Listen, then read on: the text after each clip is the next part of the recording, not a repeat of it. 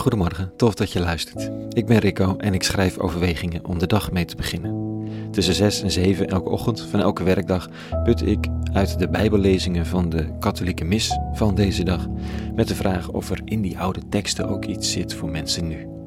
En het begint altijd met een titel. Hier ben ik. Pop-up gedachte donderdag 25 maart 2021.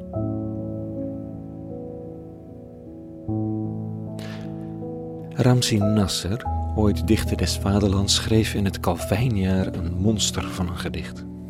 Psalm voor een afkomst heet het. Vol ronkende woorden, groots verlangen, uitgebeende beelden en zware, zwelgende tonen.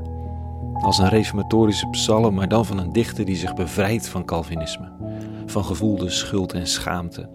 Over lust en liefde die schuimbekkend alles wil omarmen wat het lijf en de lust te bieden heeft als bevrijding uit de strakke maat der dingen. Zoals hij die ziet in de geordende samenzang van de mensen die in het zwart gekleed zich zondag aan zondag afvragen of het ooit mocht staan te gebeuren dat er ook voor hun zwarte, zondige zielen redding zou zijn. En in het midden van het gedicht schrijft Ramsey Nasser hoe hij zich verhoudt tot de strakke Calvinistische vaderen de vaderen en ik zijn wezen onder dezelfde lucht. Als brave beulen van het vlees hebben zij naar de letter geleefd. Tot op het bot zijn zij gegaan.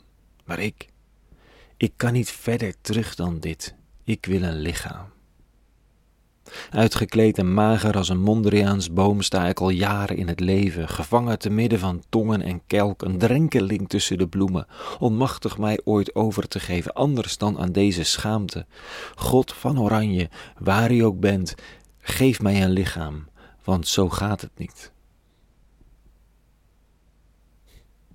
Geef mij een lichaam, want zo gaat het niet. Waar is de ruimte voor het lichaam, mijn lichaam, het jouwe? Voor het lijf dat zich nooit laat vangen in abstracte concepten, maar ook een leven van zichzelf lijkt te willen leiden. Dat verlangt en siddert en huivert en hoopt en soms in pure vermoeidheid in slaap dommelt, terwijl er de belangrijkste dingen gezegd, gedaan of gehoord zouden moeten worden.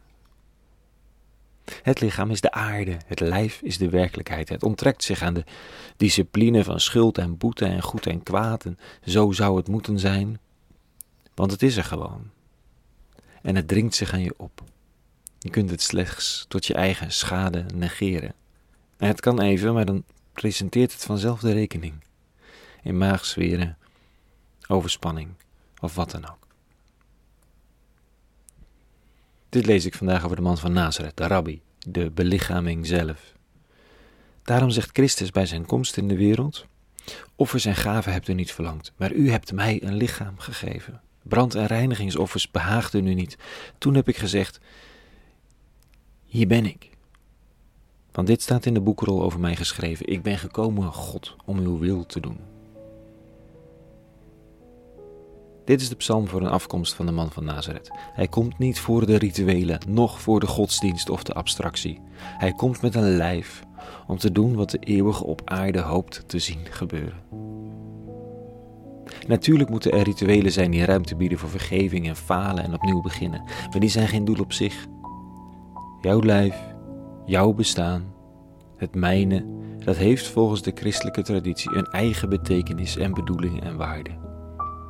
Het is bedoeld met alle tegenstrijdigheden, ongemakken en emoties en verlangens die daarbij horen.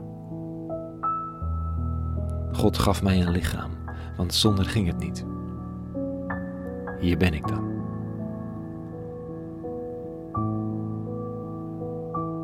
Tot zover de pop-up gedachten van vanochtend.